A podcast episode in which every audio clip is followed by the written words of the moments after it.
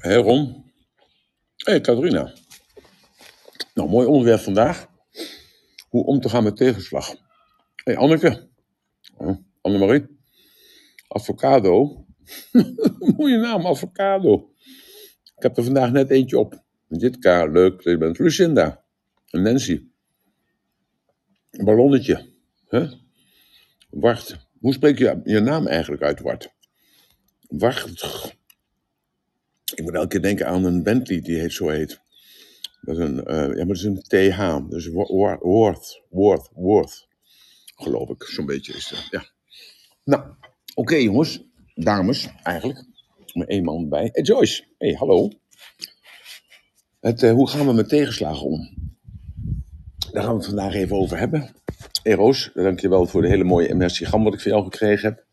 Hartstikke leuk. Ik kijk even in de backroom wat daar is. Ehm, mooie advertentie voor jouw lezing in, in 2 april. Nou, ik weet niet waar je het over hebt. Eh, Helena Rosa. Ik heb hem kunnen afluisteren. Dat weet ik ook niet waar het over gaat. Nou, dat maakt ook niet uit allemaal. nou, ik, ik, ik ben er. We zijn er. Het is eh, drie uur. We gaan het hebben over hoe om te gaan met tegenslag. Eh, alles wordt opgenomen. Ehm, ja, ik heb er even goed over nagedacht. Want eh, ja, wat betekent tegenslag nu eigenlijk? dat voor iedereen is dat natuurlijk anders. En ik, en ik heb gemerkt eigenlijk, terwijl ik erover aan het nadenken was, gisteravond en vanochtend en vanmiddag tijdens de Thaise les. Oh, het was zo moeilijk. Het was zo moeilijk. Ik had het eerste kwartier, ging het hartstikke goed. En in één keer draaide het om. En in één keer begreep ik er helemaal niets meer van. Gecompliceerd. Het, het moet eigenlijk heel makkelijk zijn. Het is eigenlijk ook heel makkelijk. Maar het was een zware tegenslag voor mij dat ik het niet meer ehm, begreep. Dat ik het niet meer. eh, in, één keer had ik het kwijt. In één keer was ik. Ja, kortom, het, ging in één keer niet meer. Dus een tegenslag. Maar dat kwam misschien ook wel omdat ik aan jullie zat te denken. Want ik had het over. eh, ik, ik zat met die gedachten bij die tegenslag. En toen dacht ik bij mezelf: ja, die, dat woord tegenslag, dat eigenlijk helemaal. Want wat is nou nog tegenslag? Een tegenstreepje slag. Nou, dat is dus een, een klap van hier tot, van hier tot Tokio. Dat is natuurlijk een tegenslag. Nou, eh, ja, en dan, eh, als je dan erover nadenkt, gewoon eens even rustig voor gaat zitten en je, en je, hebt het, en je, je denkt er dan eens even over na, dan ehm, is die tegenslag is alleen maar voor een bepaald soort mensen. Eh, ja, dat klinkt, dat klinkt wel een beetje hard en een beetje harsh. Een beetje misschien wel te mannelijk voor vandaag. Maar je hebt eh, ja, tegenslagen. Ik ken eigenlijk helemaal geen tegenslagen. Ik, ik ken wel eh, hobbels of bobbels. Ik ken wel dat het even tegen zat. Maar een tegenslag, dat vind ik nogal wat. En, ehm, ja, en wat, is, wat is nou een tegenslag? en, ja, dus ik heb erover nagedacht. En toen dacht ik bij mezelf: een tegenslag is iets dat het mislukt. En dat, dat blaas je op in je hoofd. En dat, eh, dat wordt een tegenslag. maar eigenlijk is het gewoon: je bent ergens aan begonnen en het mislukt. Ehm, ik moest een, eh, een tekenplank maken. Dat is, een, dat is een, een soort van een club waar ik lid van ben. Eh, daar schrijf ik wel eens iets voor. En ehm, dat ging over iemand die overgegaan was. En daar, daar wordt dan een soort, eh, een soort eh, zitting over gehouden voor diegene die overgegaan is. En ik, ik ben, er dus niet. Hij overgegaan is overlijden. Hè? En ehm, ik ben er niet. En toen en ze ver- ver- verzochten aan mij of ik iets wilde schrijven, omdat ik een hele goede bekende, een hele goede vriend van hem ben geweest. Nou, en terwijl ik dat dus schreef, toen moest ik ook weer denken aan die tegenslag. Want ik had mezelf eigenlijk een paar keer gezegd, ik eh, wil hem bezoeken. En er was elke keer wat anders. En, eh, en zelden wat goeds. Maar ik heb hem uiteindelijk niet bezocht. En toen is hij overleden, is hij overgegaan.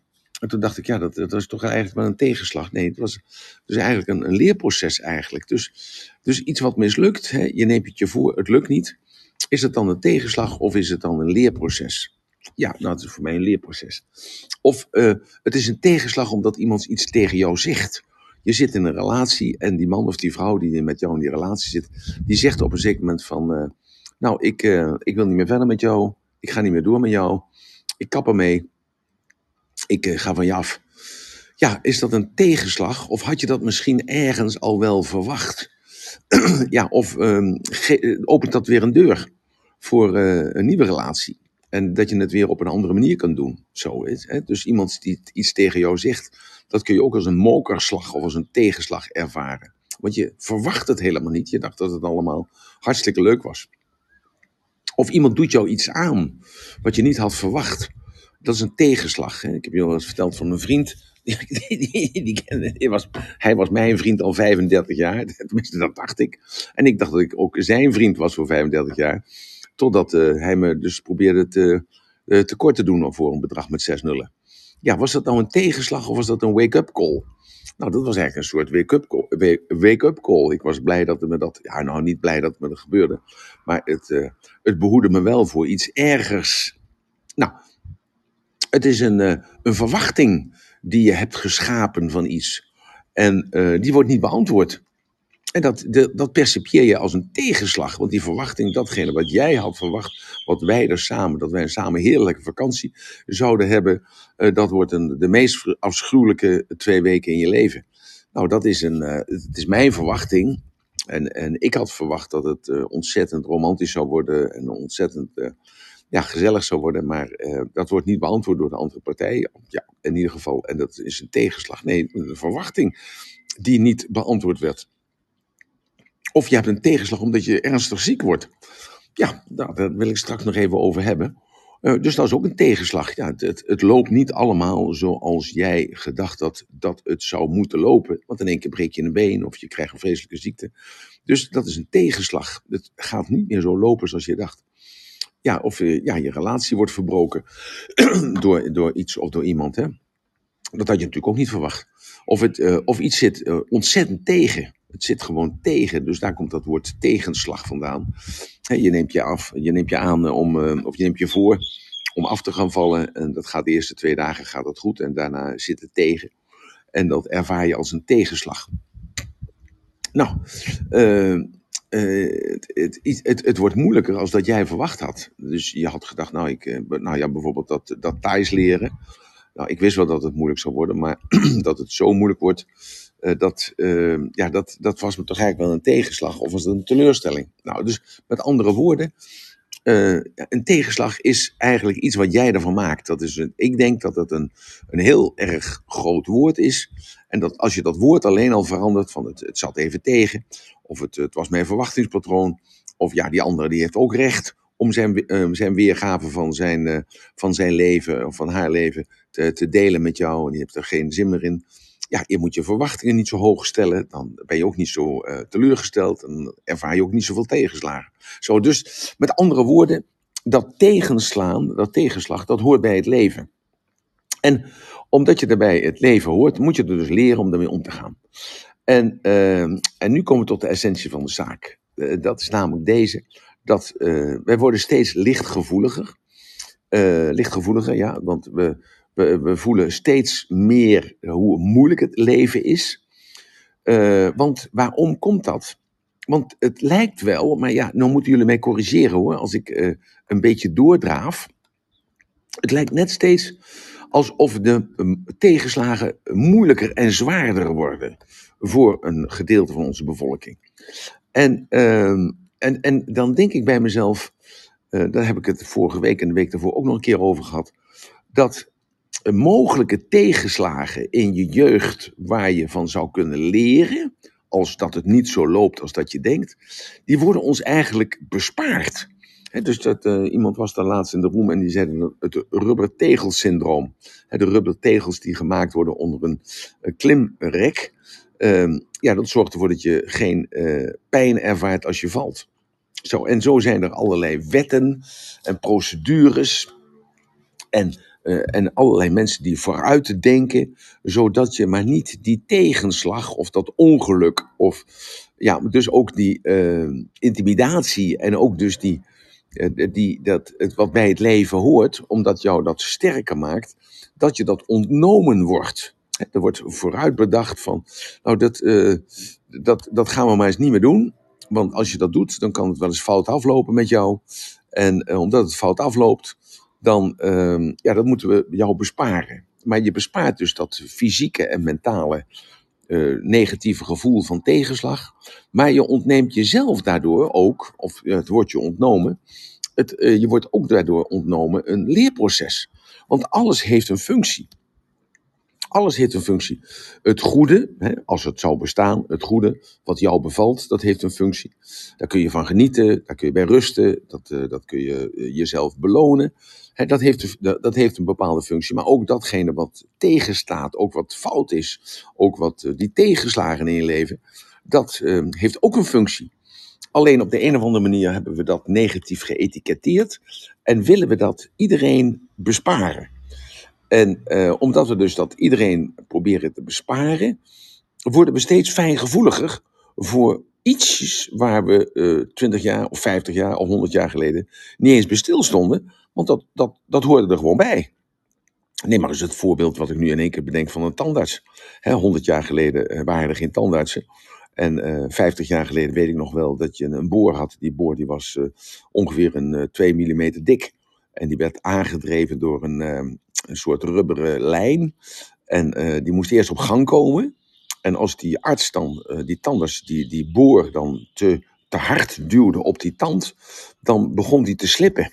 Dan, dan, dan, dan hoorde je, maar rook je ook die rubberband die die boor aandreef, die rook je eh, de rubber. En, en dat, je voelde op die tand dat die met die langzame snelheid niet door, de, er niet doorheen kwam.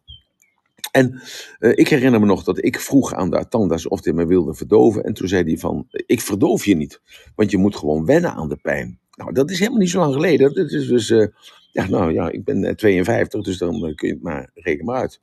Zo, dus met andere woorden, eh, we, gaan, het woord tegenslag is verloederd. Ik, ik moest even denken aan een neefje van mij, nou, neefje van mij, 89 jaar. En die eh, drie jaar geleden, ehm, hij fietste nog. Dus drie jaar geleden was hij eh, 86, 85, 86, 87. En eh, hij viel met de, met de fiets. Nou, dat kan gebeuren. Eh, had ook geen helm op zijn kop. Ehm, en hij komt thuis en had een wondje. Hij was eh, met zijn benen ergens tegenaan gevallen. En, en had een wondje. En er ging een paar dagen overheen. Dat wondje dat, dat ontstak. Hij kreeg daar pijn aan. Hij ging naar de dokter. Die zei, is niks aan de hand. En eh, die heeft het even schoongemaakt. En die heeft het naar gekeken. En die heeft hem naar huis gestuurd. En s'nachts werd hij wakker. Dat had vreselijke pijn. En toen zei zijn vrouw, ze nou, gaan eventjes naar de, naar de intensive care. naar de poli. Dat heeft hij gedaan. En toen, eh, die arts, die, daar was hij altijd verstand van, die zei, nou, dat ziet er vies uit. Een soort bloedvergiftiging of wat dan ook. Hij zegt, nou, eh, we nemen je gelijk op. Bel maar even naar huis dat je hier blijft. En we kijken morgenochtend even met de chirurg daarna. Nou, dus de volgende morgen kwam de chirurg en die zei van, nou, dat ziet er niet best uit. Eh, ik denk dat de voet eraf moet. Dus Johan, zo heet die neef, Johan Ratelband. Johan die dacht, wat zullen we nou hebben? Zijn vrouw bellen en zijn vrouw gebeld. Schat, je moet luisteren, lieverd, eh, kun je komen? Want ze gaan mijn voet eraf halen. Ja, wat is er nou? Dus zij er naartoe natuurlijk. Maar hij lag al in verdoving. En toen, eh, ja, hij, hij, hij was dus weg. Ze begonnen die voet eraf te halen. Moet je nagaan, 86. Ze haalden die voet eraf. En toen bleek dus dat die vergiftiging of die eh, on- ontsteking, die was dus al iets hoger. Dus eh, ze sneden het eraf onder zijn knie. Eh, ja, en toen bleek dus dat daar ook die ontsteking ook nog verder zat. Dus het bleek in die knie te zitten. En ja, toen hebben ze zijn vrouw erbij gehaald en, en zijn twee zonen. En toen hebben ze gezegd, ja, maar luister, we geloven dat we het hele been eraf moeten halen. En eh, ja, toen zeggen ze, ja, maar hij, hij slaapt, kunnen we hem eerst niet wakker maken? Nee, we hebben hem nu onder het mes en eh, het moet nu een beslissing genomen worden. Of we doen het of we doen het niet. Ja, wat zijn dan de risico's? Ja, het risico is dat hij, eh, dat hij een bloedvergiftiging krijgt en dat hij dus overlijdt. Nou, halen dan maar alle straf, zei zijn vrouw en zijn twee zonen. Nou ja, kortom, hij werd s'avonds werd hij wakker. En toen, toen keek hij naar zijn voet en zijn voet was eraf. Maar niet alleen zijn voet was eraf, ook zijn knie was eraf, zijn hele poot was eraf. Nou, ik ben de volgende dag bij hem in het ziekenhuis geweest. En jongen, ik denk, ja, wat is dit erg zeg. En hij zei, ja, hij zegt, maar ik leer wel opnieuw lopen. Hij zegt, en ik kan eh, met, die, met, met, eh, met die houten poot die ik straks krijg, eh, kan ik ook fietsen. Ja, dus met andere woorden, eh, hoezo tegenslag? Nou, ik moet er niet aan denken dat ze me morgen mijn been eraf halen, zonder dat ik weet dat ze mijn been eraf gaan halen. Nou, ik zou het percipiëren als een grote tegenslag. Maar, maar hij niet. Hij, hij is een stukje ouder, heeft de oorlog meegemaakt. Ehm, ja, hij weet dat uh, zijn vader en moeder natuurlijk kwijt. Zijn broer en zus is die kwijt. Heeft in de oorlog het, het, pand helemaal uh, is, is, gebombardeerd. Hij zat onder de trap. En de trap is blijven staan. Dus hij weet nog hoe het was om, dat al die stenen om hem heen vielen. En ja, hij vergeleek dat daar eigenlijk een klein beetje mee. Hij vergeleek dat dus gewoon met met die oorlogssituatie en met alle mensen die hij verloren had. En toen dacht hij bij zichzelf, ja, het valt eigenlijk wel mee. Hoezo tegenslag? Dus um, ik, eh, ik krijg nog een houten poot. Nou, die heeft hij gehad in de tussentijd. Daarna heeft hij een, uh, de, nou, dan moest hij dan meer leren lopen. Daarna heeft hij een soort uh, rubberen poot gekregen. Hij noemt dat dan zo, hè, dus ik mag dat dan ook zo zeggen. Heeft een rubberen poot bijgekregen. En een, een jaar geleden heeft hij een computerpoot gekregen. En die computerpoot die is dan afgestemd op zijn, op zijn hoofd.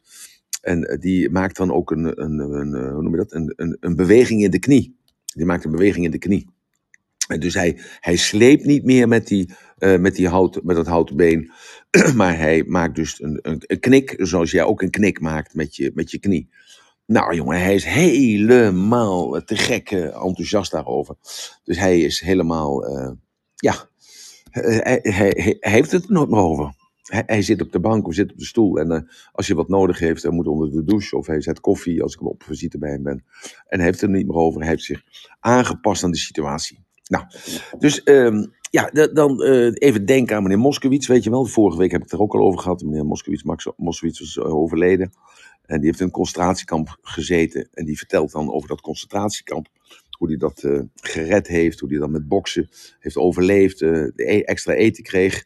Uh, gelogen heeft bij het volgende kamp. Dat hij, uh, niet dat hij Jood was, maar dat hij uh, een, iemand in het verzet was geweest. Dus hij kreeg minder straf.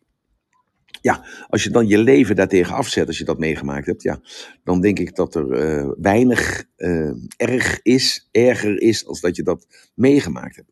Of bijvoorbeeld de armoede. Misschien zijn er nog onder jullie die je nog echte armoede kunnen herinneren. Hè, dat je echt niks te eten had, dat je naar, naar bed toe moest zonder eten. Ja, en hoe voelde dat? En uh, ja, dat, dat was tegenslag. En als je nu dan uh, een boterham minder krijgt, of uh, je hebt dus een keer geen geld om buiten de deur te eten, of ja, je kan niet datgene bestellen wat je eigenlijk zou willen, een biefstuk of een fles wijn of wat dan ook, dan denk je van, nou ja, zo slecht heb ik het nog niet. Want ik weet nog wel dat ik s s'nachts niet kon slapen van de honger. Of misschien heb je in militaire dienst gezeten. Hè? of, je, of je denkt eventjes aan die jongens nou in de Oekraïne. Daar, daar vriest het even 20, 30 graden. Daar zitten mannen van, eh, van jou en mijn leeftijd. En uh, die zitten daar in de loopgraven te wachten tot de Russen binnenvallen. Nou, ik heb begrepen dat die Russen helemaal niet verpand zijn om binnen te vallen. De Oekraïne zelf gelooft ook niet dat ze binnenvallen. Ondertussen wordt iedereen wel bang gemaakt dat er wel een oorlog zal ontstaan. In de tussentijd heeft Poetin de gaskraan weer opengedraaid. Nou ja, dat zal dan wel intimidatie zijn, of dat zal wel zijn om ons weer te leren, om onze plaats te weten. Goed, nou, kortom, um, ja, misschien zijn er uh, onder jullie nog een paar die uh, geen televisie hebben meegemaakt in de jeugd. Nou, uh, ik weet nog wel dat we geen televisie hadden, maar ik heb hem ook nooit gemist. Totdat we hem kregen. En dat was Dappere Dodo's, woensdagsmiddags. En dan kwam de hele buurt kwam kijken naar Dappere Dodo. Nou, dat was helemaal te gek voor woorden. En ik heb uh, voor een paar jaar terug nog een keer naar Dappere Dodo gekeken. Nou, vond helemaal niks aan. Want Dappere Dodo was gewoon een pop die bewogen werd op afstand. Ja, niet uh, met computers, maar die werd op, afstand bewogen. Dat, dat kon je ook zien. Het was zwart-wit. En die stem die was ook niet gesynchroniseerd. Maar ja, dat was toen helemaal fantastisch. En als je er nou naar kijkt, denk je bij jezelf, wat hebben we ons voor de gek laten houden. Vroeger had je radio, Hilversum 1 en Hilversum 2. Ja, nu heb je een keuze uit middengolf, lange golf, korte golf, ultrakorte golf. Ik weet niet, duizenden radiostations kun je uh, pakken op je gewoon... Uh, ja, een zaktelefoon, die bestond natuurlijk ook niet. Een wasmachine, stofzuiger, een dildo, uh, een auto. ja, en, en zo kom je eigenlijk een beetje bij, bij iets essentieels. En dat is, vandaag de dag blijf je ook niet meer zitten op school. Zo, en dat is even nou, en dan komen we even bij de kern van de zaak. Want waarom blijf je niet meer zitten op school? Dat komt omdat dat eigenlijk een, een stukje is, is pedagogisch onverantwoord. Eh, dat zegt men dan, hè? Want dat kind, dat kan niet meekomen en dat zou wel eens beschadigd kunnen worden uh, door de constatering dat hij moet blijven zitten en dat hij uh, andere vriendjes moet maken en dat hij dus de klas verlaat omdat hij eh, niet mee kan komen, omdat hij niet opgelet heeft, of omdat hij te stom is, of dat dat een ander niveau is, of wat dan ook. Zo. En ik ken ook scholen, daar worden geen onvoldoendes meer gegeven. Hè, vroeger had je onvoldoendes, tot uh, een 5 was een onvoldoende, en dan had je dan een 5,6, dat was dan een voldoende, en een 5,4 was een onvoldoende. Nee, deze school geven kleurtjes. Want een onvoldoende, daar, daar voel je als leerling, uh, voel jij je dan uh, achtergesteld. Je voelt je achtergesteld uit. Zo. En, en vroeger sprak je, ik, ik maak geen reclame voor vroeger, hè? Even, even goed duidelijk. Hè? Ik maak geen reclame voor vroeger, maar ik, ik moet even naar een bepaald punt toe dat er uh, misschien een kwartje valt bij jullie. En, uh, dus ik heb het niet over goed of slecht, ik heb het even over, uh, over een vergelijking. Hè? Want ik denk dat dat juist, dat die tegenslag, dat dat een kwestie is van vergelijking. En vroeger was het meneer Rutgers. En ja, dat, dat, ik heb het niet meer meegemaakt, maar ik weet wel dat mijn oudste kinderen op school kwamen en toen was het meneer Piet. Of, of juffrouw Marjan. Ehm, en ik weet nu, als ik nu hoor dat, hoe heet je, dat Bo die zit op school en uh, die zitten op de, op de HBO. Maar Royce die zit dan op de, de soort uh, VWO. Daar is het gewoon uh, Piet of Klaas of Truus. Dus die spreek je gewoon aan ja, met, met de voornaam. Zo. En als je dan terugdenkt aan vroeger, hoeveel mensen ken jij nou van vroeger? Dan praten we dus gewoon het, het, een jaartje of 20, 30 terug. We praten over de jaren 70, 60. Nou, ik weet niet, zijn er veel mensen die uit de jaren 60, 70 komen? Nou, ik kijk even naar wat gezichten. Nou, ik denk dat er 50 eh, procent, uh, nou nee, minder. Dat er een, een stuk of 50 procent, 40 procent dat wel weten. Dat in de jaren 70, toen bestond dat helemaal niet, het woord stress. Stress bestond helemaal niet. Je was wel eens opgewonden of je was lichtelijk nerveus. Maar het, eh, het, het woord stress bestond helemaal niet. Overspannenheid bestond ook niet.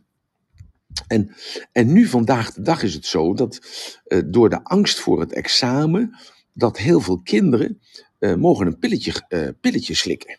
Voordat ze dus dat examen ingaan. Of nog erger, omdat dat examen dat geeft zoveel stress dat ze, zeggen, dat ze gezegd hebben van, nou moet luisteren, we laten de cijfers van het hele jaar uh, van die kinderen maar meewegen in het examen. In de examen. Zo, dus dan, dat, dat je dan uh, niet die stress hebt dat je dat moment, dat ene moment wat je dan hebt op 21 mei, dat je examen doet, dat, dat je daar helemaal afhankelijk van bent. Want uh, ja, je zou wel eens daar niet meer over weg kunnen. Zo, dus je, je mag al die cijfers opsparen van het hele jaar. En die, die tellen dan uh, ja, als een, een, bepaald gemiddelde. En als je daar dus een 7 voor hebt en op het examen haal je een 5, dan, dan, ga je, krijg je toch dat examen, dan krijg je toch dat diploma.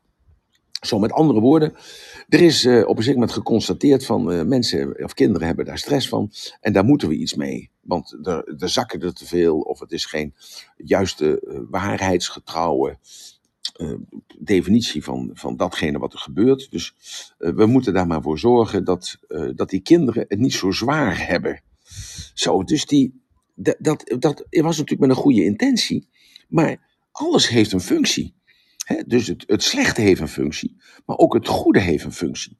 En, en daarom vind ik het zo raar dat, dat je dus in dat hele systeem wat er ontstaan is, dat die, dat die tegenslagen eigenlijk een soort negatieve lading hebben gekregen. Want een tegenslag, dat krijg je alleen als je een, loser bent. Of tegenslag krijg je alleen als je zwak bent. Of een tegenslag krijg je alleen uh, als je behoort tot een, een bepaald soort van mensen die niet om kunnen gaan met het positieve. En in de tussentijd worden we alleen maar zwakker gemaakt, want we worden die tegenslagen om te oefenen, die worden ons ontnomen. Zo, en dus daardoor krijgen we dus dat, dat iedereen zijn, uh, zijn grens eigenlijk als het ware uh, naar beneden laat gaan. Dus zijn niveau verlaagt. Zo, en dat we dus in, in 2022, ik heb het even nagekeken, dat, ja, ik, ik hoop dat je zit. Het is echt waar, maar het is dus in 2022 zitten er ongeveer een kleine 44% van de mensen die hebben psychische uitdagingen. 44% van de mensen die krijgen in dit jaar, dat is gemeten naar 20 en 21, krijgen dus in dit jaar psychische problemen, uitdagingen. In het afgelopen jaar hebben schrik niet, 1.900.000 mensen hebben afgelopen jaar een probleem gehad en hebben daarbij een huisarts geconsulteerd, of een psychiater, of een psycholoog, of een coach, of een, wat voor een hulpverlener dan ook. 1.900.000 mensen die hebben uh, uh, dus iemand geconsulteerd omdat ze er niet meer overweg konden. Nou, ja, dat zijn gigagetallen. En dan blijkt dus dat, dat die mensen hebben last van drie zaken. Dat is stemmingstoornis, dat is een angststoornis en dat zijn middelenstoornissen. En wat is nou een stemmingstoornis? Een stemmingstoornis is dat je je stemming niet in de hand kunt houden. dat is bipolair, weet je wel. Dat, uh, alleen vrouwen hebben dat, kletskoek natuurlijk, grapje. Hebben dat heel veel gescheiden mannen die zeggen dat, uh, dat een, uh, een vrouw een bipolaire stoornis heeft. En heel veel vrouwen zeggen over hun ex-man dat hij narcistisch is. Zo, dat is een beetje zo'n dooddoener. Dat is natuurlijk niet waar, maar goed. Maar dus, dus een van die drie stoornissen, het is, dat is een ziekte dus, hè, moet je nagaan die, die, uh, die hebben geen controle over hun stemming. Die gaan gewoon met die stemming mee. En of die stemming nou positief is of negatief is, gaan mee met die stemming. En zoals jullie weten allemaal, hè, want dat heb ik al vaker uitgelegd en verteld en verklaard. Die stemming stuurt jouw gedrag. Dus met andere woorden, dus hun gedrag is onvoorstelbaar. Onvoorspelbaar, sorry. Niet onvoorstelbaar, maar onvoorspelbaar. En dat gedrag is onvoorspelbaar voor hen. Want ze hebben een stemmingstoornis. Ze gaan daarmee naar een arts of ze komen bij een psycholoog of een psychiater. Ze krijgen daar een pilletje voor, ze krijgen daar een therapie voor. Nou, we noemen dat in deze room noemen we dat state management. En als jullie dat graag willen dat we dat nog een keer doen, dan doen we nog een keer state management, zodat dat probleem dat je dat zelf aan kunt pakken. De tweede angst die er is, of de tweede stoornis die er is, dus op de lijn van 1 naar, 2, 1 naar 3, zijn angststoornissen. Nou, je bent eh, bang eh, voor de toekomst, je bent bang eh, voor dat er iets gaat gebeuren, je bent bang voor een spin, je bent bang om de straat over te steken. Nou, er zijn allerlei angsten, maar dat is alleen een kwestie van denken. Dat is een kwestie van denken. En dat, dat moet je omdenken. Dat is herkaderen bijvoorbeeld of zo. Of je moet kijken naar je overtuiging. Waarom ben je bang voor een spin? omdat hij je bijt. Nee, je weet natuurlijk allemaal dat een spin je niet bijt. Om, omdat hij op je vliegt. Nee, je weet allemaal natuurlijk dat een spin niet op je vliegt. En toch ben je bang voor zo'n spin. Wat is dat? dat? Dat zegt iets over jouw psyche. En dan moet je anders leren denken. En als je anders kunt leren denken, dan is die angst is eh, weg. Of die angst krijgt een andere betekenis voor jou. Dat je in ieder geval daarmee kunt uh, overleven. Of je hebt een middelenstoornis. Hè? Dus je bent verslaafd aan uh, cafeïne of aan nicotine of aan suiker of aan, ja, of aan cocaïne, of aan heroïne, of ja, aan cannabis, noem maar allemaal maar op. En, ja, en als je dus dan begrijpt dat, dat, dat 43,5% krijgt in zijn leven ermee te maken in een psychische, met een psychische afwijking. Dat is bijna de helft van onze Nederlandse bevolking. Dus we zitten nu met een mannetje of 50 zitten we in de room. Dus 25 van jullie krijgen te maken met een psychische um, afwijking. Ja, dan denk ik bij mezelf, wat is er dan nog van ons overgebleven? Zijn we allemaal hartstikke gek geworden? Of betitelen we iets wat vroeger normaal is, was, betitelen we dat, geven dat een ander woord. En, uh, ja, en, en, en doordat we dat een ander woord geven, worden we in één keer patiënt. Zo, dat, dat geef ik als eerste eventjes met dat hoe ga je om met een tegenslag. Dat is het eerste eigenlijk wat ik uh, graag wil uh, vertellen. Zo, dan, dan blijkt dus uit die uh, statistieken blijkt dat de mannen en de vrouwen gelijk zijn in de problematiek. Met de leeftijd heeft het iets te maken. De, de meeste patiënten zijn tussen de 25 en de 25 jaar. Die hebben het meeste last van, van die stemmingswisselingen of van verslavingsproblematiek of van angsten. En de minste mensen die dat hebben, die zijn tussen de 55 en de 65. Dus ik zou bijna zeggen, Uh, ja, dus het, het, het, heeft een kwestie met ervaring te maken, dat je iets kunt relativeren, lijkt het wel. Als ik even heel snel die cijfers implementeer. Want afgelopen jaar is dat gezakt naar um, ja, jong volwassenen die het meeste last hadden van deze drie uh, symptomen. En dat was de 18 tot 25 jaar. Die hadden daar het meeste last van. Zo, dus dat zijn jongelui. Ja, en dan denk ik bij mezelf, uh, misschien komt, misschien, hè, dat is dus een suggestie, misschien is het zo dat wij onze kinderen te beschermd opgroeien. Want wij ontnemen hen dus een, uh, ja, een, een mogelijkheid om hun spier, noemen we dat dan maar de spier van, van weerstand, de spier van omgaan met iets wat, uh, wat hinderlijk is, uh, ontnemen we hen. Want ze worden steeds kwetsbaarder. En, uh, en dat, dat kwetsbaarder, dat is dus een kwestie van focus. En waar, hoe komt dat dan? Omdat je ehm, ja, je, eh, je, je wordt vandaag de dag, lijkt het, maar dit is even de psychologie van de koude grond hoor. Dus als je het er niet mee eens bent, kom alsjeblieft naar boven en corrigeer me dan.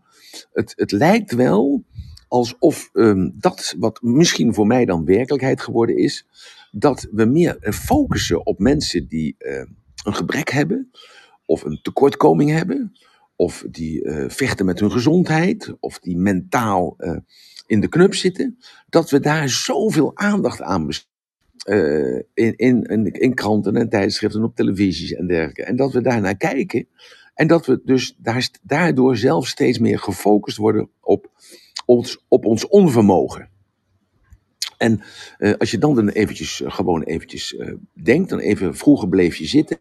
Nu ga je mee en ik, en dan blijkt dan, want ik heb het meegemaakt met Emil, Emilio, die bleef zitten. En uh, die, die had gewoon in klas 2, had die, uh, uh, in klas 2 had hij het rekenen gemist. Was een tijd thuis gebleven en hij miste essentiële zaken. En hij ging toch over naar groep 3. Dus dat was eigenlijk ja, de oude groep 1 dan, oude, oude klas 1. Hij ging, ging mee naar groep 3. Dus ik ben naar die leraar toe gegaan en ik heb gezegd, ja, maar, maar waarom laat u hem nou niet zitten? Hij zei, nee, want we spijkeren hem wel bij. Ik zeg, ja, maar ik zeg even, essentiële zaken heeft hij gemist. En uh, hoe spijkert u hem dan bij? Want hij krijgt nu in groep 3 krijgt hij hele nieuwe rekenvaardigheden. Hij mist essentiële zaken met optellen en aftrekken. En, en uh, dat, hij, hij, wanneer komt hij dan bij? Wanneer is hij dan bij?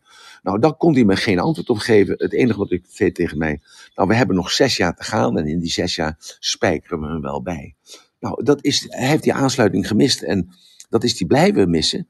Totdat ik hem bij mezelf kreeg en ik heb hem bij, bijles gegeven. Dat punt. En uh, ja, dat heeft hij dus die kennis vergroot. En dus door die bijles is hij weer bijgekomen. Maar hij heeft, en hij, zit nu in uh, secondary, dus hij zit nu in de eerste klas van de, zeg maar van de high school, laat ik het zo maar zeggen. En hij heeft nog steeds moeite met rekenen. Omdat hij dus in die aanloopfase, heeft hij dus gewoon een, een, aantal vaardigheden gemist. En Daarna heeft hij die wel kunstmatig ingehaald, maar hij mist het toch nog zo. Dus, maar, maar, maar wat is nou de bedoeling daarvan? Je blijft niet zitten, want dan haal je je uit je comfortzone. Dan moet je opnieuw leren om vriendjes te maken.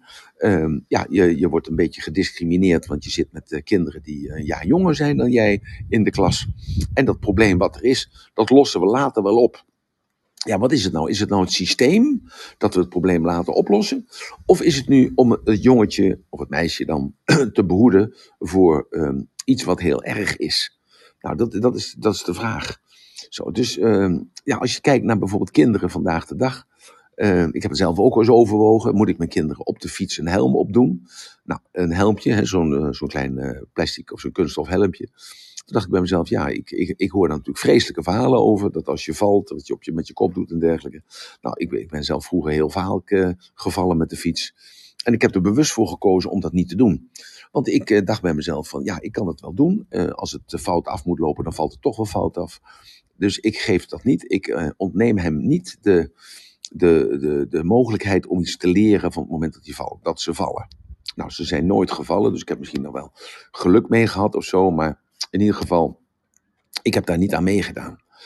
En uh, vroeger ging je, ja, en nogmaals, sorry, neem me niet kwalijk dat ik het elke keer heb over vroeger, want het klinkt zo, uh, zo belerend eigenlijk dat ik dat meegemaakt heb en jullie niet als, als jongelui. Vroeger ging je gewoon om zeven uur naar bed. Zo, en dat was gewoon geen discussie. Er was gewoon geen discussie. En nu, uh, mijn kinderen die moeten ook om zeven uur naar bed. En er is elke avond is er een discussie over. Elke avond, dan zeg ik tegen Miel, nou, up, naar bed. En elke avond ja, moet ik hem weer corrigeren. En elke avond moet ik er weer naartoe. En elke avond moet ik het lichter doen. Ik word er helemaal vervelend van.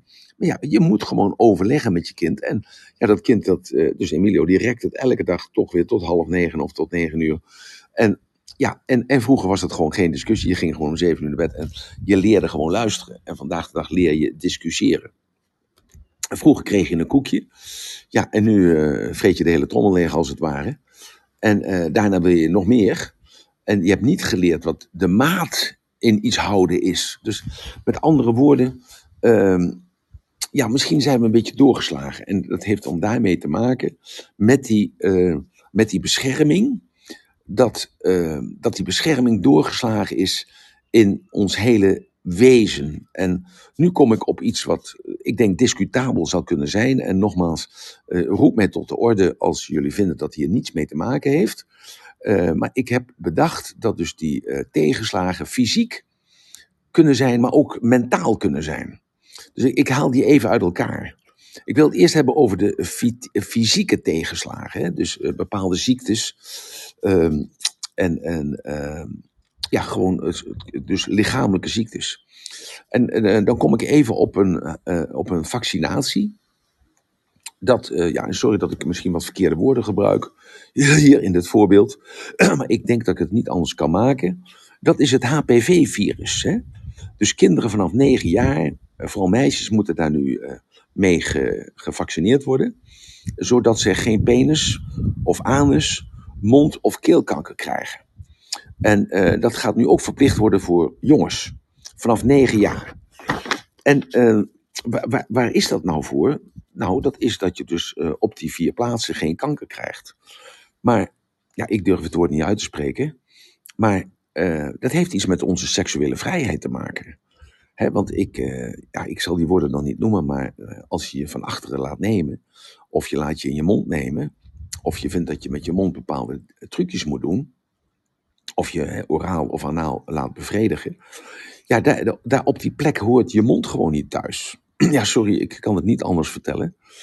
En uh, doordat die. Uh, oh, wacht even, ik doe iets verkeerd. Even. Ik, uh, sorry, Annemarie. Invite to speak, ja. En. Uh, zo, hey, morgen, morgen. Zo, dus met andere woorden. Ehm, er zijn een paar mensen die willen seksueel experimenteren eh, zowel anaal als oraal. Daardoor eh, krijg je, of wordt de kans heel groot dat je ziektes krijgt. En nu moet ieder, elk kind, die misschien daar helemaal geen behoefte aan heeft, of nou, als negen jaar heb je daar in ieder geval nog nooit aan gedacht. Hè, maar je moet daar in ieder geval klaargemaakt voor worden dat je dus daar een injectie voor krijgt. Zo, dus ja, en wat zijn de bijwerkingen dan van die injectie, hè, van die HPV? Zo, en, de, en zo krijgen we dus, en, en dan maak ik toch dat hele rijtje, heb ik even opgeschreven voor mezelf. Hè, want als, uh, de kinderen krijgen allemaal zo'n uh, zo'n cocktailspuit. Als, als baby zijnde, ik heb daar niet aan meegedaan, 45 jaar geleden al niet. En nog steeds niet. Ik heb het nu even opgeschreven voor mezelf.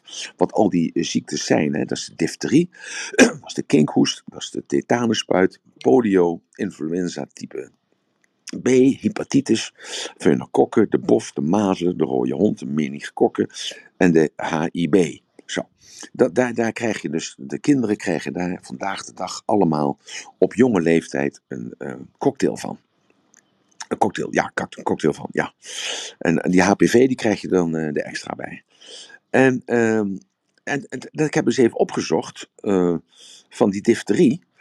hoeveel mensen, hoe komt die difterie tot jou? Dat is één. Hoe groot is de kans dat je difterie krijgt? En dan hebben we het gewoon over dat je in landen komt waar geen spuit gegeven wordt. nou, dan is de kans dat je difterie krijgt is, vrij nihil. En, uh, de, de, en de mensen die eraan overlijden of heel ernstig ziek worden, ja, dat, die is ook eigenlijk heel nihil. En het heeft niks met, uh, met, de immuun, met totale immuniteit te maken, maar dat heeft ermee te maken dat je in landen komt waar dan difterie is. En sinds 64 zijn er nog maar twee personen overleden. Natuurlijk vreselijk, zijn twee te veel. Maar sinds 1964, dus dat een kleine 60 jaar geleden, zijn er twee personen overleden. En, en, en daarom moeten wij dus allemaal onze kinderen die difteriespuit geven. Nou, dat, dat is één. Nou, dan, dan uh, de kinkhoest. Dat, die heeft ook een functie, maar dat heb ik zo direct over. Die kinkhoest, daar krijgen we ook een spuit tegen. Uh, en um, als je die kinkhoest, uh, die spuit gehad hebt, wil niet zeggen dat je het niet krijgt. Maar per jaar sterft er één persoon aan de kinkhoest. Dat kan ook volwassen zijn, hè? dat hoeft geen kindje te zijn. Nou, tetanus, dat krijg je dus. dus een tetanusspuit, misschien heb je die wel eens gehad als je gebeten bent door je hond. Of dat je een trap hebt gehad van het paard, een open wond hebt gekregen of zo. Dat krijg je als het smerig is. Dus als de smerigheid binnenkomt. Hè, eh, dus een beet van een paard of van een hond of zo. Nou, ik denk dat, je kunt het wel proberen te voorkomen, maar ik denk dat als je die beet hebt gehad, of die schop hebt gehad, of smerigheid hebt gegeten of zo, nou, dan is het vroeg genoeg om dan die tetanusspuit te krijgen. Hetzelfde met de polio, de kinderverlamming. Dat is de oorzaak is besmet voedsel, besmette ontlasting en, uh, en besmet water. Nou, ik weet niet wie er aan ontlasting zit met de handen. En ik weet niet wie er nog besmet voedsel eet eh, sinds dat we koelkasten hebben en magnetrons en dergelijke. En ik weet ook niet wie er nog besmet water drinkt. Zo, dat, uh, daar komt de kinderverlamming vandaan. Nou, dat wordt doorgegeven door, deze virus wordt doorgegeven door middel van het hoesten en proesten wat mensen doen. Zo, dan heb je de influenza type B. Nou, dat is een, uh, allerlei soorten griepjes eigenlijk, als het ware, die ervoor zorgen dat, ja, dat je je weerstand, hè, want daar heb je het, hè, je hebt het over die, tegen, de, je hebt het over die tegenslag, maar je hebt het over die weerstand in jezelf, dat die influenza type B, dat dat uh, ja, eigenlijk gewoon ervoor zorgt dat je allerlei soorten verkoudheden niet meemaakt. Dan heb je hepatitis B, dat is leverontsteking. Dat krijg je enkel alleen, de leverontsteking krijg je alleen maar doordat je bloed krijgt van iemand die die ziekte heeft. Of dat je seks hebt met iemand die die ziekte heeft. Zo, de, uh, anders kun je er niet aankomen. Je mag hem ook nog kussen, dan, dan, dan komt dat niet door. Maar de hepatitis B heeft dus eigenlijk mee te maken met onze vrije seksuele moraal. Dan heb je de, de, de dat, uh, dat krijg je ook door de, door, uh, hoe noem je dat? door de asem van andere mensen of vocht van andere mensen. En dat zorgt ervoor dat je dan een ontsteking krijgt. En dat uh, zou dan door kunnen gaan naar je longen. Maar dat is ook maar een heel miniem percentage die dat krijgt. Dan heb je de bof. Dat is dus dat je een speekselklierontsteking krijgt bij je oor. Dat kan zich uitbreiden, maar meestal niet. Je kunt daar dus een hersenontsteking van krijgen. Je kunt een andere hersenontsteking van krijgen. Maar die kans dat dat gebeurt als je de bof krijgt, dat is weinig, minimaal. En als je kijkt naar de cijfers, dat of je die prik hebt gehad, ja of nee, kijk naar de Bijbelbeeld, dan is dus de kans dat je, het, dat je die speekselklierontsteking krijgt, is gelijk. Nou, dan de mazelen. Nou, dat, uh, dat is dus, er is eigenlijk heel niks meer aan de hand. Je krijgt de puistjes. Misschien dat jullie de mazelen wel gehad hebben. Ik heb de mazelen toevallig gehad. Vroeger als kind zijnde. Nou, daardoor heb ik ook wat plekjes op mijn gezicht. Uh, rode vlekjes krijg je er. En heel, heel, heel af en toe kan er hersenschade ontstaan. Maar dat is ook minimaal. Dat is in de promillen, niet in de procenten. Niet in de 10%, maar in de promillen. Dus dat wil zeggen, dat, is er, dat zijn er één of twee op de, ja, de duizenden. Nou, de rode hond. Nou, we weten nog allemaal van koningin Juliana. Die was zwanger van Christine. En daardoor is Christine is, geboren met een oogafwijking. En ja, dat, uh, dat, dat is iets, uh, als je een rode hond krijgt, dan ben je moe, ben je verkouden. En het is eigenlijk alleen gevaarlijk voor het kindje wat nog niet geboren is. Nou, dus ja, moet dan mijn kind van uh, zes maanden daarvoor dan ingeënt worden. Dan hebben we de menogokken. dat is hetzelfde laat ik aan het pak als de influenza-types. Dat, die leven al in jou, die menogokken, die hebben we allemaal in onszelf. En uh, toch moeten we, die, uh, uh, moeten we ons tegen inspuiten, want die, die moeten dood, doodgemaakt worden. Nou, die meningokokken die hebben een bepaalde betekenis, die zitten niet voor niks in, je, in jouw lijf. En als die doodgemaakt worden, zorgen die ervoor dat je vatbaarder wordt voor allerlei ziektes. En dat blijkt dan ook wel, het blijkt gewoon dat de meningokokken nog ongeveer tien, jaar, tien keer per jaar gediagnosticeerd worden. En dat zijn mensen die en de spuit hebben gehad en mensen die niet de spuit hebben gehad. En dan heb je nog uh, de ziektes. Dat zijn allerlei verschillende soorten griepsoorten. Nou, als je dat krijgt.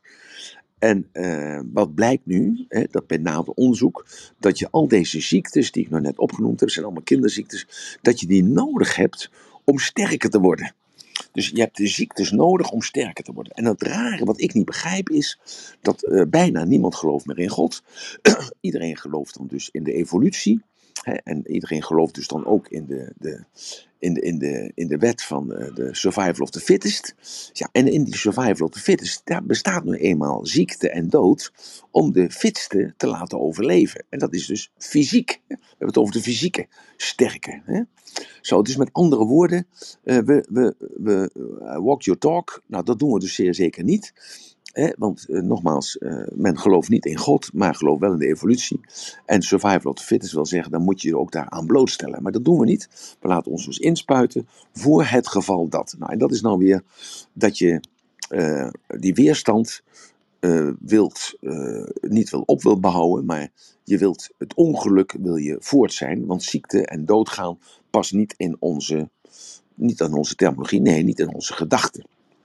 En daar, daarvoor in de plaats krijgen we heel veel nieuwe ziektes.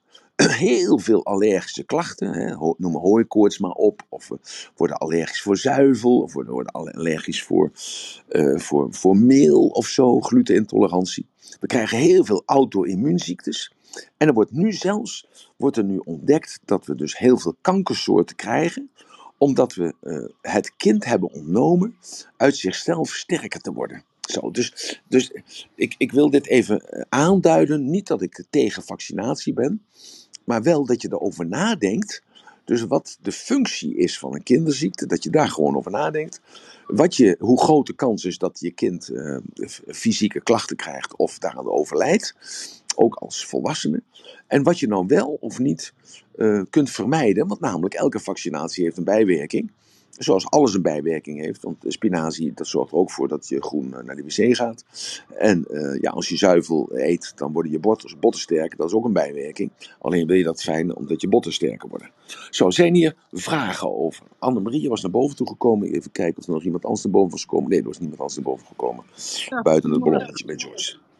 Zo, en daarna over, wil ik het over het mentale hebben. Want dit is de, de- dus de ja, tegenslag die je ervaart eh, als je ziek wordt. of als je doodgaat. Van, dat heeft misschien wel een, een oorzaak die je zelf of je ouders hebben dat teniet gedaan. ja, over dat eh, fysieke. Ja, ik denk eh, heel veel dingen ook met tegenslag. Hoe ga je om met tegenslag? Het heeft natuurlijk heel erg eh, veel te maken welke beslissing neem jij zelf. Hè? Dus dat state management komt dan weer naar boven. En ik denk dat het, dat het heel belangrijk is als je ook een tegenslag hebt. Dat je bij jezelf te raden gaat van ja, wat, is, wat is nu goed op dit moment? En hoef je niet altijd voor het, eh, ja, voor het makkelijke te kiezen. Maar je kan ook eh, ja, juist er tegenaan gaan. Hè? Dus er tegenaan gaan om, eh, om de, daar weer van te leren. Dus van iedere tegenslag leer je. Dat heb ik zelf ook ervaren. Mhm. En je komt er altijd beter uit. Ja, maar oké, dat is dus dan mentaal. ik heb hier aan willen tonen, eigenlijk als het ware, dat met alle, met alle goede bedoelingen, dat we eh, proberen toch eh, ons een ideale maatschappij te creëren. Eh, en dat is dan fysiologisch. En, en proberen om de ziektes uit ons leven te bannen. En ja, een ongeluk uit ons leven te bannen. En dat doen we dus door middel van vaccinaties en dat doen we door middel van allerlei andere dingen. Zo, dus, maar, maar de bijwerking is dus dat je fysiek dus zwakker wordt, omdat je allerlei eh, klachten krijgt die we daarvoor niet gehad hebben. Dus dat zijn dan die allergische klachten, auto-immuunziekten.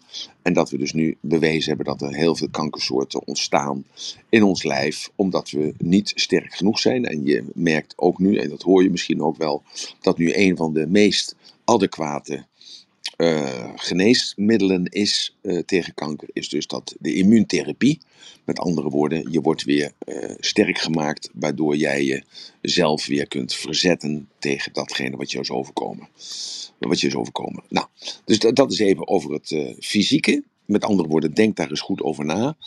En zo, en, en zo is het ook met het mentale. Hè? Vroeger, eh, en dan kom ik toch weer even op vorige week of de week daarvoor, kom ik even terug eh, op die seksuele intimidatie eigenlijk. En ik weet dat er bij heel veel mensen ligt dat een beetje gevoelig, omdat ik daar eh, ja, toch wel bepaalde gedachten over heb die misschien niet stroken met de meerderheid. Eh, vroeger was het gewoon zo dat eh, je, en dan heb ik het weer over vroeger, en misschien was dat, eh, is dat nog steeds wel zo, maar vroeger dofte je jezelf op om mooi te zijn. En dan, eh, dan ging je het café in, of de dancing, of de discotheek in. En dan, eh, ja, dan probeerde je in contact te komen met iemand anders. En eh, hoe mooier je was, hoe beter je eruit zag, hoe makkelijker dat dan ook was. Zo, en op een zeker moment is daar dus iets gebeurd. En ik weet niet wat daar gebeurd is. Maar eh, op een zeker moment zijn lelijke mensen, of mensen met een achterstand, die, die moesten ook gewaardeerd worden. En doordat we eh, eigenlijk als het ware daar onze focus zo op gelegd hebben, ehm, ja, kun je dus, mocht je op een zeker moment niet meer blits eruit zien, mocht je niet meer uitkomen voor je schoonheid.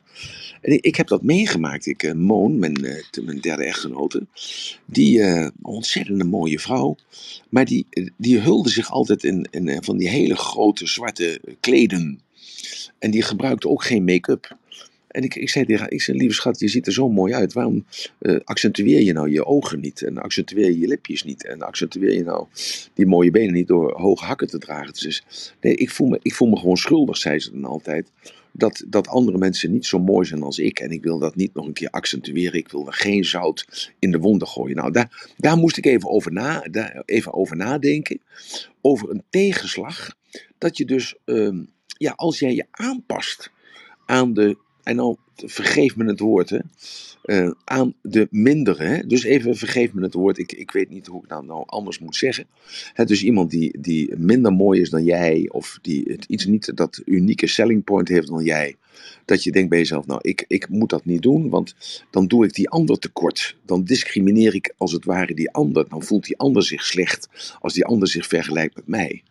Zo, met andere woorden, uh, uh, op school uh, word je ook niet meer aangesproken. Je wordt ook niet meer tegengesproken. Je wordt niet meer bekritiseerd. Je wordt niet meer gekleineerd. Je wordt niet meer vergeleken met de beste. Maar de middelmaat is dus eigenlijk de maat. En die wordt geaccepteerd. En als je vooral kijkt. Ja, dat mag. Over, schoonheid. Hè? Ik, ik ben natuurlijk zelf schoonheidsspecialiste. En uh, ja, iedere vrouw of iedere man heeft natuurlijk het recht om zich mo mooi te maken. En uh, uh, weet je wel, waarom zou je niet mooi mogen maken? Het is toch prachtig?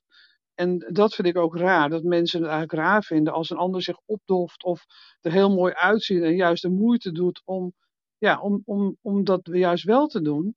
Ja, en dan, als er een kamer binnenkomen, ik heb het zelf ook wel meegemaakt, dan kom je een kamer binnen en dan zie je er hartstikke mooi uit. Je hebt mooie hakken aan, je, je doet je haar leuk. Uh, dat doe je allemaal voor jezelf. En ook met je man erbij, hè? dus dat je gewoon lekker, ja. dat je denkt, nou, ik ga lekker op stap. En er zijn er altijd wel mensen die dat dan, ze zullen niet het compliment geven, maar ze zullen je ja. eerder afkraken. En dat vind ik ja. wel heel kwalijk.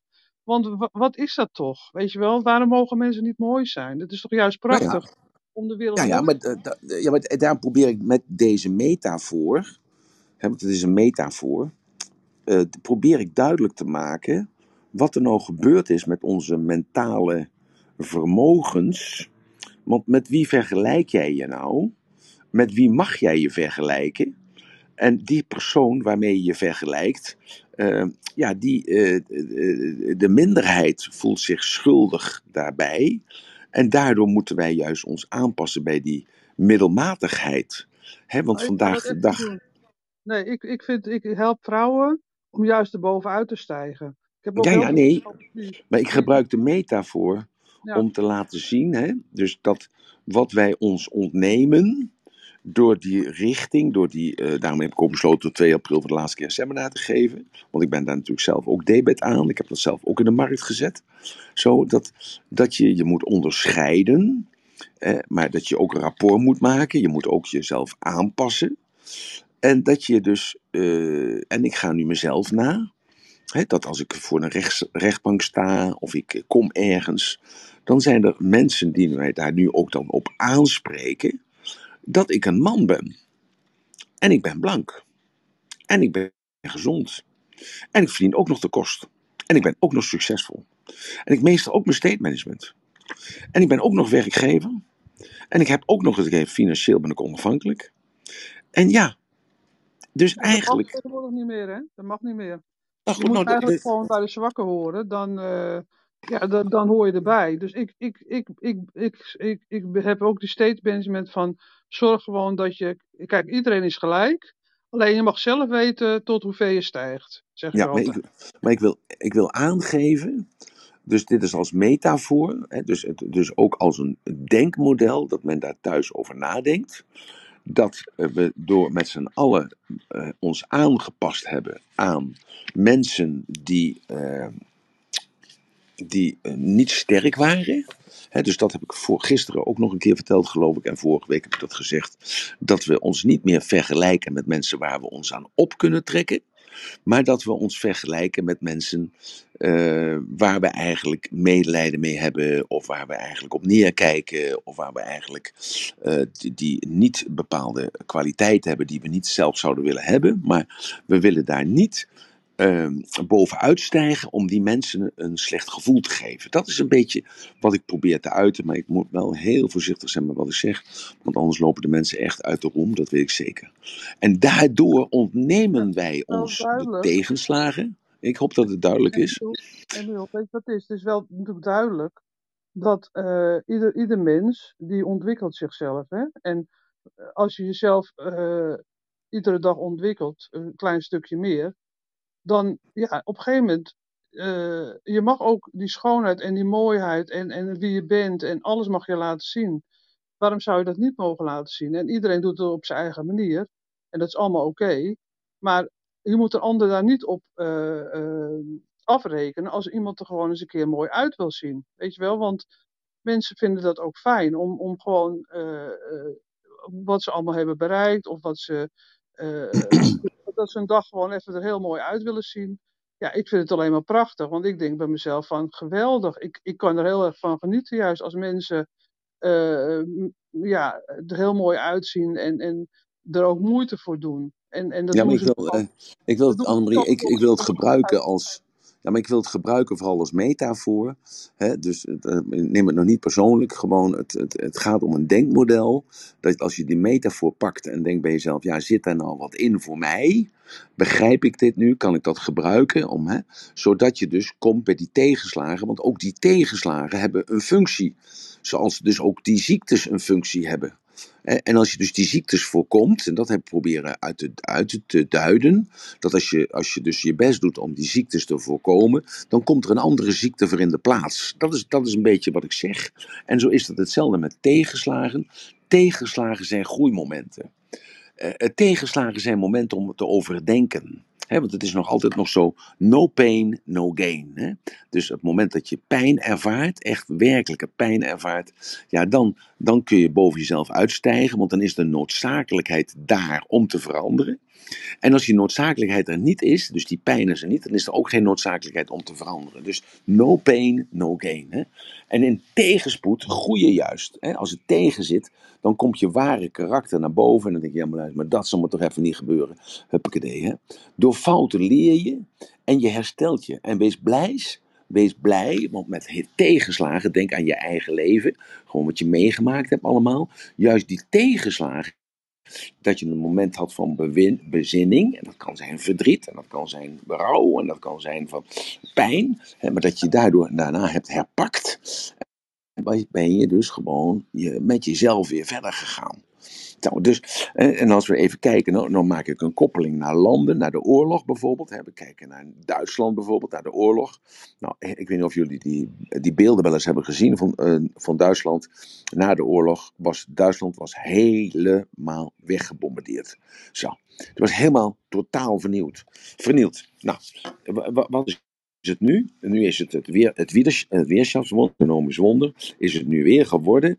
Waarom? Doordat ze dus helemaal vernield zijn geweest en van scratch zijn ze weer opgestapt. Nou, een mooi voorbeeld, je kunt dat vergelijken. België heeft weinig geleden door de oorlog. Al die oude gebouwen staan er nog. Kijk naar Wallonië. Ja, die hebben eh, na de oorlog ze gewoon verder gegaan. De Duitsers waren, waren genoodzaakt om totaal anders te denken en ervoor te zorgen dat het land weer opgebouwd werd. En dat is dus weer opgebouwd vanuit, ja, vanuit een achterstand.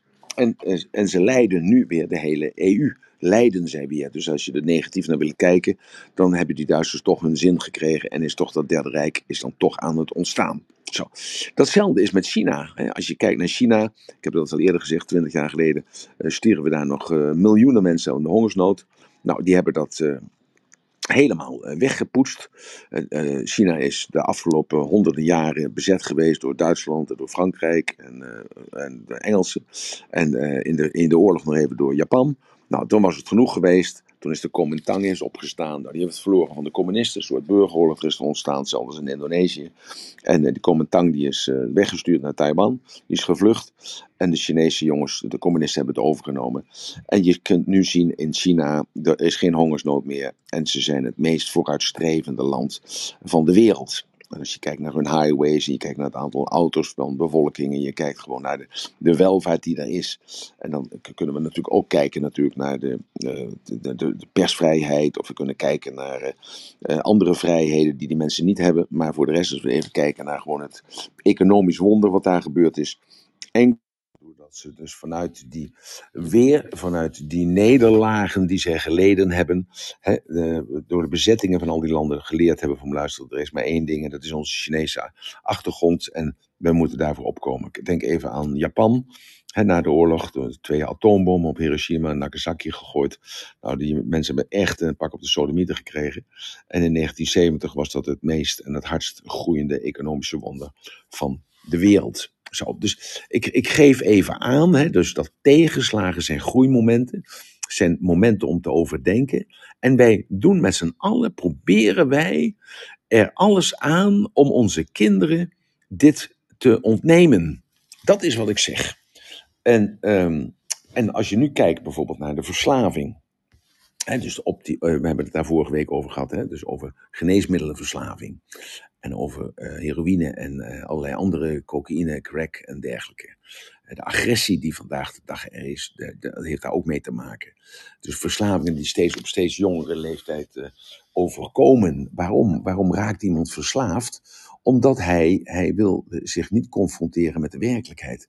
Met andere woorden, mensen die verslaafd zijn, die hebben het opgegeven om te vechten. Omdat het te veel voor hen werd. Zo, dus ja, uh, we moeten blijven hangen in de pijn, lijkt het wel. We moeten zielig zijn. We zijn de weg kwijt. Dus dat is dus dan, de, de, als er 2 miljoen mensen per jaar uh, zich psychisch moeten laten onderzoeken, dat, dat uh, 48% van de mensen dus in aanraking komt met een psychische afwijking. Ja, maar luister, dan hebben we of de mensen zijn zwak geworden, of we hebben um, de, de grens of de drempel uh, om onszelf dus uh, de weg kwijt te laten zijn, of om onszelf dat etiket te geven, of een arts ons het etiket te geven dat we geestelijk niet meer in staat zijn om voor onszelf te zorgen dat we dus daar iemand voor nodig hebben. Ja, dat, die is dus uh, verhoogd. Nee, verlaagd, sorry. Die drempel is verlaagd. En dat je daardoor zoveel mensen hebt die dat doet.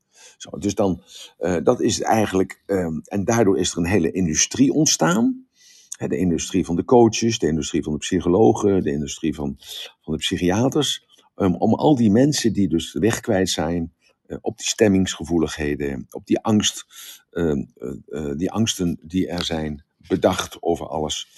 En, en, en wat meer zei.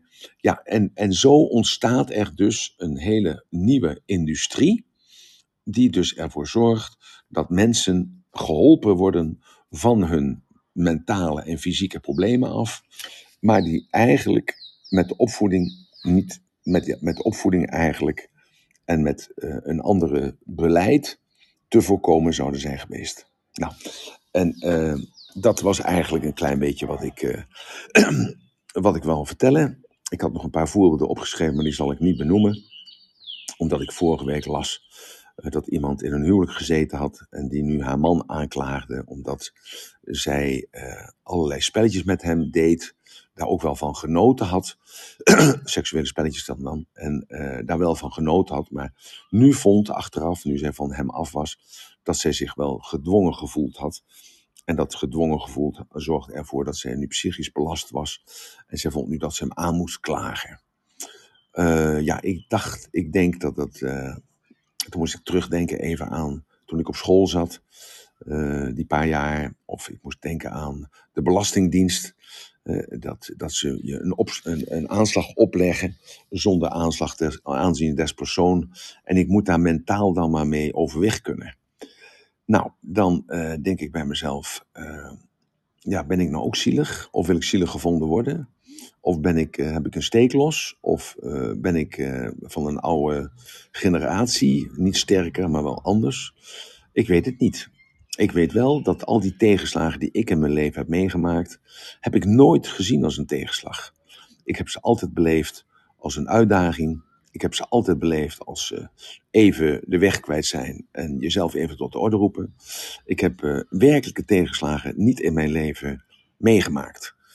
En maar als ik je klinisch zou duiden wat ik meegemaakt heb, dan denk ik dat heel veel mensen alleen bij het horen van wat ik meegemaakt heb, psychisch in de problemen zouden komen.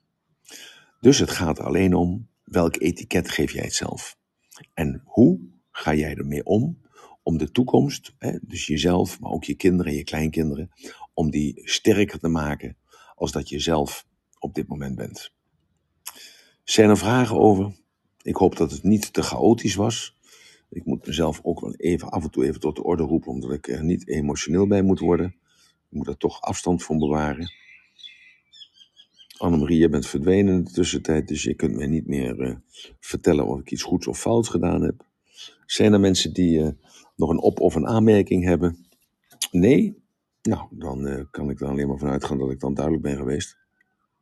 En dan hoop ik dat ik aan jullie opdracht heb voldaan en dat ik het in ieder geval duidelijk heb kunnen maken dat, is die, dat, dat die tegenslag iets is in jouw hoofd en dat je daar zelf mee klaar moet komen, maar dat je jezelf ook moet gunnen, want dat is het, het gunnen om die tegenslag te verwerken en daar sterker uit te komen.